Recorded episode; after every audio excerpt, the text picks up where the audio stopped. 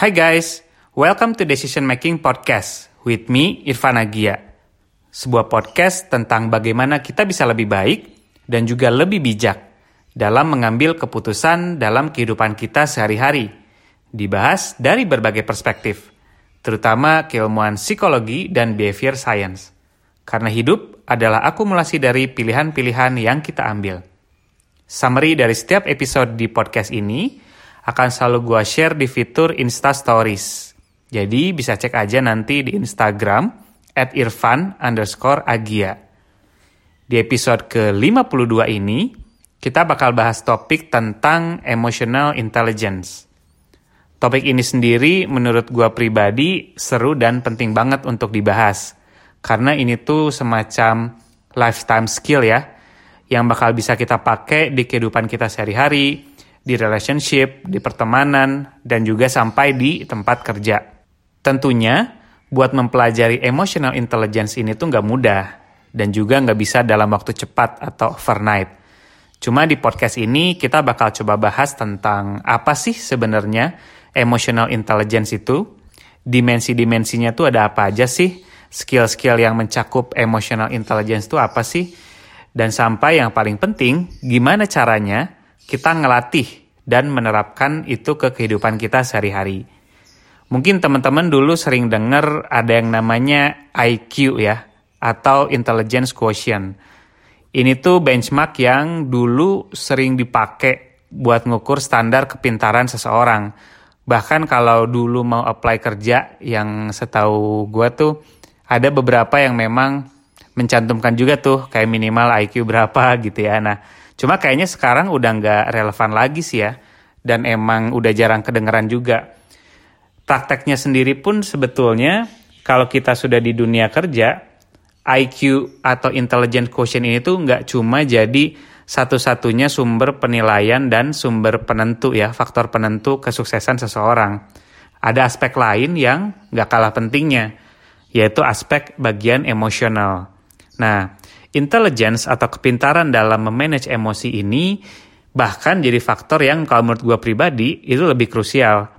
Gak cuma di dunia kerja, tapi juga kehidupan kita sehari-hari. Gimana kita bersosialisasi, gimana cara kita berdiskusi, etikanya seperti apa, gimana bikin orang itu misalnya nggak tersinggung, kemudian juga the art of reading a room, gimana caranya kita membaca situasi dan kondisi misalnya kita lagi ada meeting di ruangan itu uh, atmosfernya seperti apa, emosi yang sedang muncul seperti apa, apakah orang ini akan tersinggung atau enggak. Itu adalah salah satu aspek yang menurut gue pribadi itu krusial banget untuk kita bisa memposisikan diri, memahami emosi kita dan juga memahami emosi orang lain sehingga keputusan yang akan kita ambil itu sudah kita pertimbangkan matang-matang dari segi emosinya juga seperti itu. Nah, sebenarnya masih banyak juga sih miskonsepsi dari emotional intelligence ini. Jadi masih banyak orang yang merasa bahwa kalau orang tersebut itu baik gitu ya atau nice, dia tuh punya emotional intelligence yang bagus. Kalau dia tuh sopan, ramah, menyenangkan orangnya. Nah, bahkan banyak dianggap oh iya dia EQ-nya atau emotional intelligence-nya tuh bagus.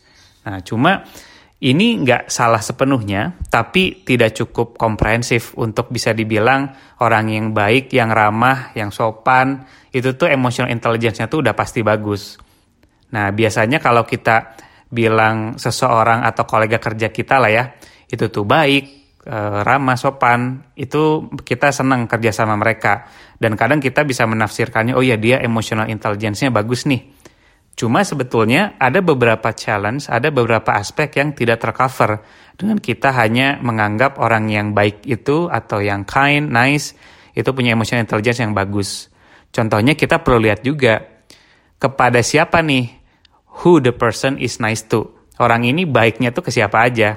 Kayak misalnya eh, dalam di tempat kerja gitu atau keseharian kita lihat ada beberapa manajer atau beberapa orang yang dia tuh sangat polite, sangat mau mengakomodir dan juga sangat patuh dan sangat baik lah sama klien-klien dan juga bosnya sendiri.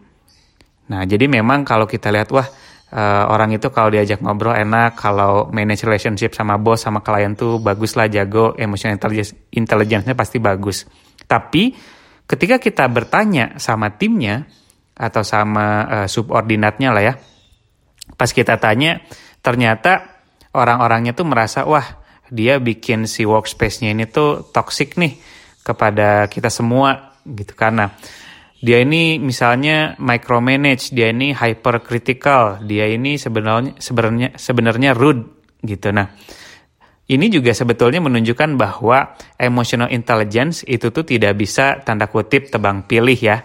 Jadi all of this relationship whether with our boss, our client atau our coworkers dan tim kita juga tuh matters ketika kita mau mendevelop emotional intelligence. Nah, sekarang kita bahas secara definisi ya apa sih sebetulnya emotional intelligence itu sendiri?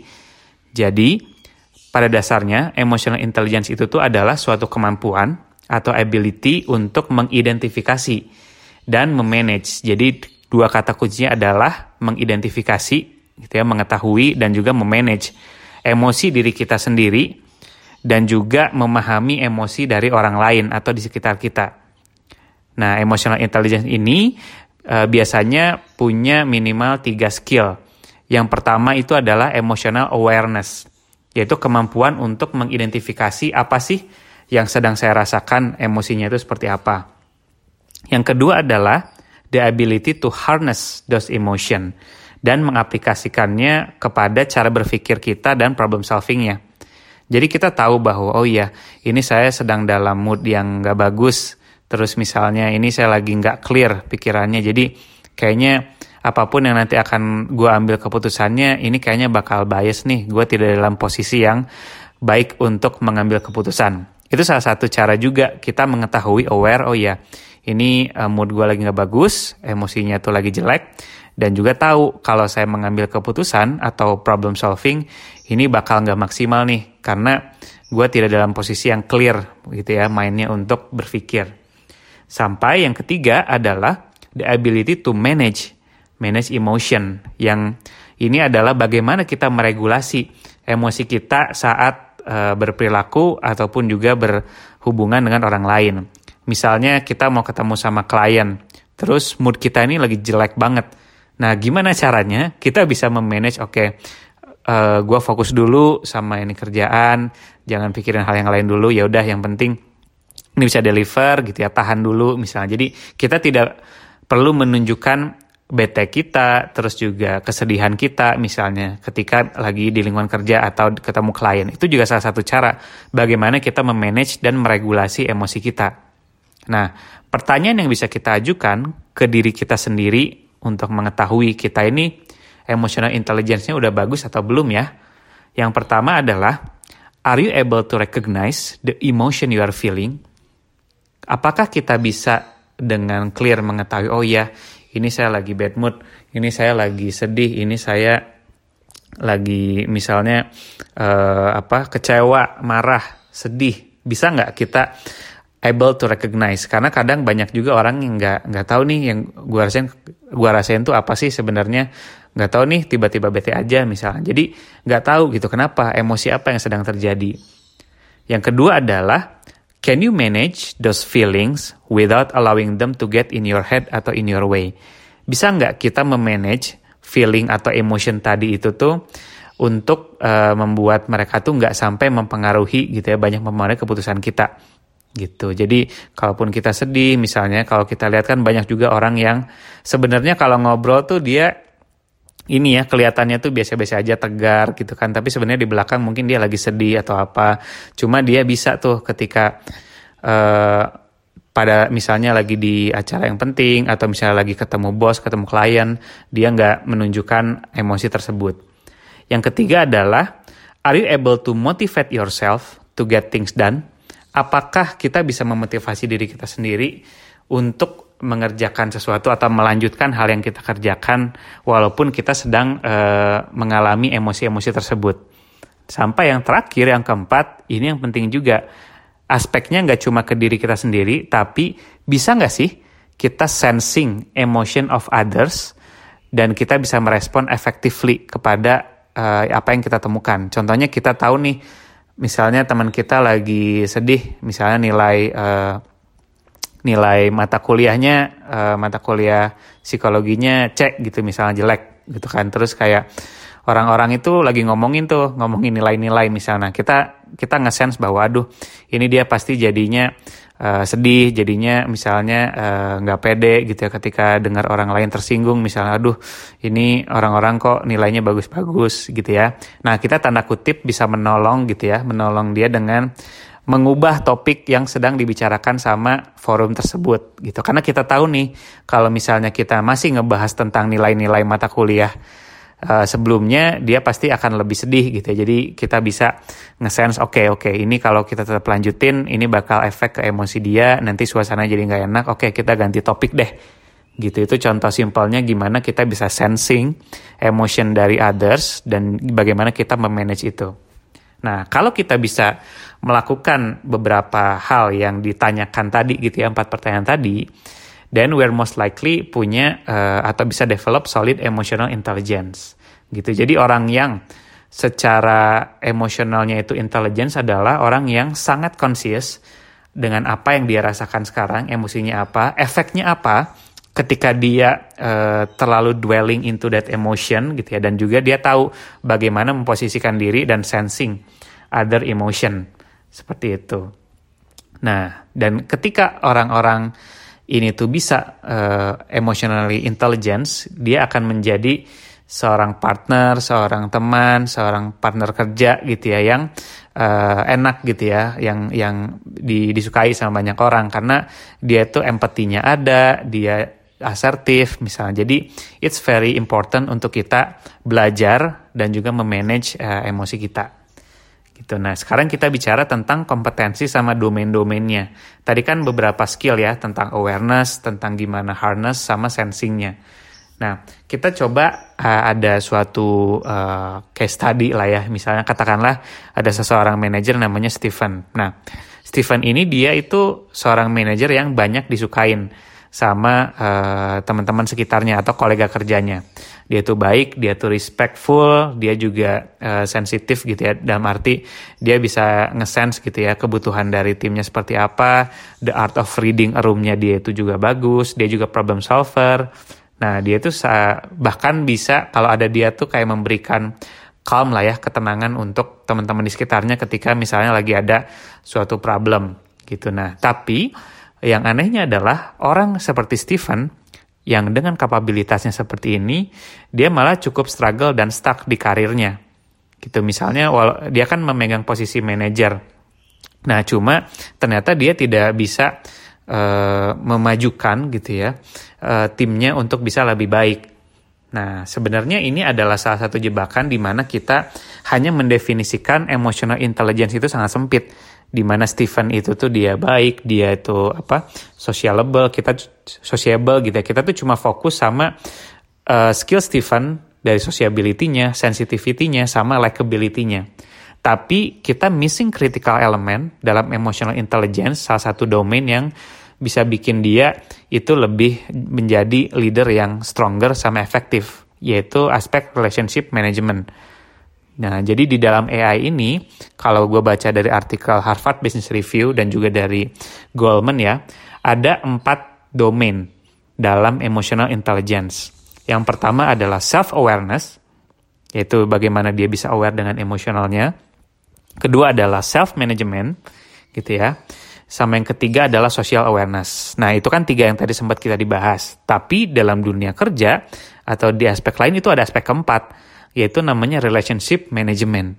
Bagaimana dalam domain ini ada kompetensi pertama influence, bagaimana dia bisa menginfluence atau mempengaruhi orang di sekitarnya, kemudian coaching and mentoring, kemudian conflict management. Ini yang penting juga nih, yang kita sering missing, yaitu bagaimana kita bisa memanage konflik, bagaimana kita teamwork dan juga menjadi seseorang leadership yang inspirasional. Nah, Stephen ini dia tuh punya kekurangan uh, dalam domain konflik management gitu. Jadi misalnya dia tuh ternyata walaupun dia orangnya apa sociable, uh, likability-nya bagus, cuma dia ini tuh orangnya nggak enakan gitu. Jadi misalnya kalau ada timnya atau uh, apa subordinatnya itu melakukan kesalahan dan pengen feedback dia tuh jadinya nggak enakan nggak bisa menyampaikan sesuatu secara asertif misalnya. Jadi dia dia memiliki kekurangan dalam skill giving people unpleasant feedback gitu. Dan itu adalah sebetulnya aspek dari emotional intelligence juga. Gimana caranya bisa kita holding back that emotion nggak enakan itu takut misalnya menyinggung takut apa. Padahal itu tuh secara logical, secara reasoning itu bisa membuat orang itu lebih baik lagi dan kita bisa direct gitu ya. Bisa direct menyampaikan uh, feedback tanpa menyakiti perasaan atau tanpa ngerasa menyinggung orang lain. Nah, itu juga aspek dari emotional intelligence. Nah, jadi gimana Stephen ini bisa mengangkat uh, situasi apa uh, istilahnya tuh elephant in the room ya, topik-topik yang mungkin semua orang itu tuh sadar dalam ruangan tapi nggak ada yang berani uh, ngobrolinnya. Misal ada salah satu orang di timnya itu ternyata dia tuh jadi inilah jadi uh, showstopper dalam timnya, dia secara uh, apa etikanya juga jelek. Nah, gimana caranya Stephen ini dia bisa mengangkat tuh dalam forum tapi tetap bisa menyampaikan dengan baik. Itu adalah salah satu contoh bagaimana emotional intelligence itu membantu kita dalam aspek konflik management. Seperti itu. Nah, jadi kalau gitu uh, next stepnya adalah kita udah tahu nih komponen dan domain dari emotional intelligence itu apa aja. Gimana caranya kita melatih untuk kita bisa jadi lebih baik dalam uh, mempunyai skill emotional intelligence. Jadi emotional intelligence ini sendiri itu berbeda ya dengan being smart gitu ya atau typical intelligence being smart secara hard skill ya. Ini tuh lebih ke soft skill sebetulnya kalau emotional intelligence. Jadi kalau emotional intelligence ini fokus kepada emosi bukan purely reasoning cuma yang menjadi krusial dari emotional intelligence ini adalah ini tuh sebetulnya kita punya banyak intersection juga dari our thoughts and emotion join together gitu ya. Apa yang kita pikirkan dan apa yang kita rasakan itu harus bisa diintegrasi dengan baik dalam emotional intelligence ini. Jadi e, caranya ada beberapa beberapa aspek yang bisa kita lakukan ya untuk kita bisa mendevelop si emotional intelligence ini karena ini tuh bisa dilatih ini tuh bukan bawaan ya orang yang terlahir emotional intelligence-nya bagus tapi ini bisa bisa kita latih yang pertama adalah kita harus melatih paying attention terhadap emotion kita. Kita harus terbiasa pause gitu ya, uh, stop for a moment. Kita harus mindful terhadap uh, body tension kita. Misalnya kalau kita lagi apa takut gitu, terus misalnya our heart rate itu lebih kencang, misalnya terus jadi jadi ada ada beberapa aspek dalam biologis kita, tubuh kita yang berubah, kita jadi lebih apa ya?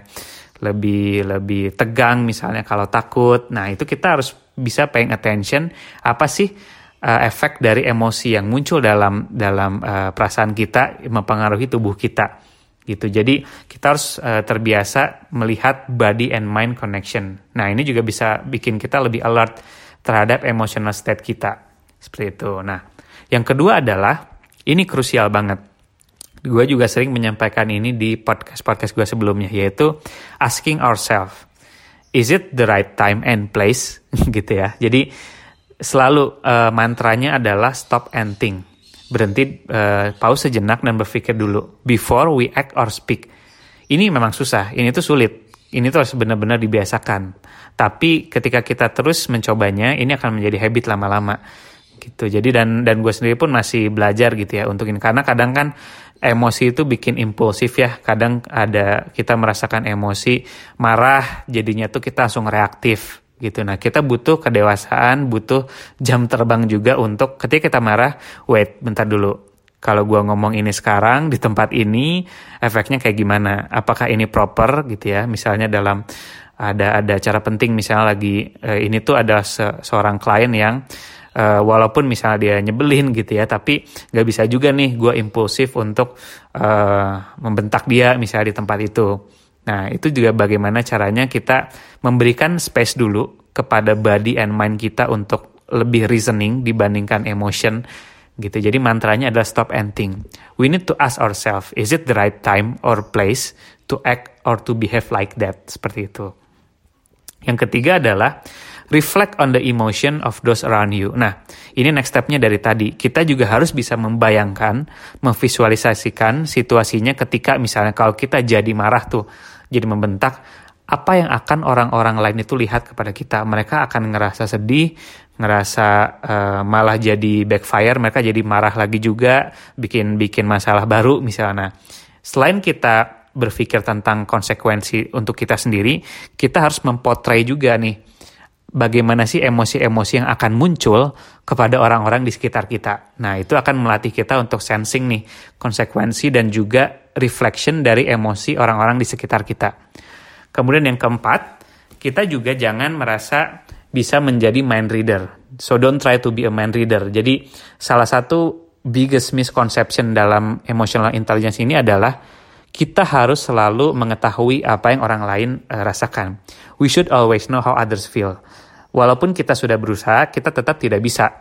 Kita tidak bisa memastikan, oke okay, ini kayaknya orang ini bakal seneng nih, gitu ya, bakal happy. Kalau misalnya gue bilang kayak gini, orang ini bakal tersinggung nih. Misalnya orang ini bakal banyak ngomongin gue nih, kalau misalnya gue bilang kayak gini, nggak. Don't try to be a mind reader, gitu. Jadi, pada dasarnya emotional intelligence itu adalah kita punya willingness dulu nih, punya keinginan, punya niat dulu untuk check in with others untuk memastikan reality kita ini yang dipersepsi kita ini sama atau enggak gitu. Tapi selebihnya kita tidak bisa mengontrol hal tersebut gitu. At least kita sudah mencoba uh, memberikan empati. At least we have the willingness to check in with others emotion itu selebihnya memang itu tidak bisa kita kontrol. Nah, yang kelima itu adalah menjadi of course menjadi em empatetik, lebih empati. Jadi ketika misalnya ada seseorang yang uh, membuat kita tersinggung gitu ya. Ini orang ini kenapa sih? We need to try to seek the seek to understand of why. Kenapa sih orang ini bisa melakukan hal itu? Why behind another person feelings or emotion gitu karena pasti ada alasannya gitu. Jadi kita bisa mencoba dulu nih empati dulu terhadap apa yang orang lain rasakan Nah, yang keenam, kita harus punya a growth mindset. Nah, growth mindset ini in a summary adalah kita harus bisa belajar dari criticism. Karena mungkin kita orangnya mudah tersinggung, kita mudah uh, sedih ketika di, dikritisi orang gitu ya. Itu kan akan efek tuh ke emosi kita. Nah, we have to choose to learn from that. When we choose to learn from criticism, rather than simply defend our feelings, our views and behaviors, kita bisa akan lebih baik lagi dalam growing in emotional intelligence. Karena kita juga ketika menerima kritik, kita juga dalam dalam arti membuka diri untuk another point of view dan itu bisa bikin kita lebih empatetik kepada sekitar kita. Dan yang terakhir yang ketujuh adalah keep working at it. Jadi memang ini nggak bisa happen overnight, tapi ini bisa terjadi, bisa dilatih dengan effort gitu ya, dengan kesabaran sama a lot of practice gitu. Jadi intinya adalah uh, kita harus tahu apa yang kita rasakan, kita harus mencoba empati kepada orang lain dan bagaimana caranya kita bisa menyesuaikan diri nih at the right time at the right place gitu. Jadi uh, aspek-aspek yang tadi gue uh, share itu juga bersumber dari banyak artikel ya dari Harvard Business Review, dari bukunya Daniel uh, Goleman gitu. Jadi teman-teman yang mau baca lebih lanjut itu bisa uh, baca-baca artikel di sana. Oke, okay, uh, I think that's all untuk episode ke-52 tentang emotional intelligence ini. Cukup singkat padat, namun uh, gue harapkan cukup jelas dan straightforward ya. Jadi teman-teman bisa langsung mengaplikasikannya di kehidupan teman-teman sehari-hari dan juga di tempat kerja. Nah, untuk episode selanjutnya, gue bakal bahas topik tentang growth mindset poin ke-6 yang tadi sempat dibahas juga biar kita tuh bisa lebih baik lagi dalam emotional intelligence. Nah, jadi uh, I hope we can meet again di episode ke-53. Sampai jumpa di episode ke-53. Kalau ada request atau masukan tentang feedback, saran, boleh banget email atau message gue di Instagram at irfan underscore agia. Kalau teman-teman merasa topik-topik di podcast ini berguna atau memberikan wawasan yang baru, please kindly share it to others. Jadi bisa bagikan link konten podcast ini di Instagram karena sharing is caring. Thank you and see you in the next two weeks. Bye bye.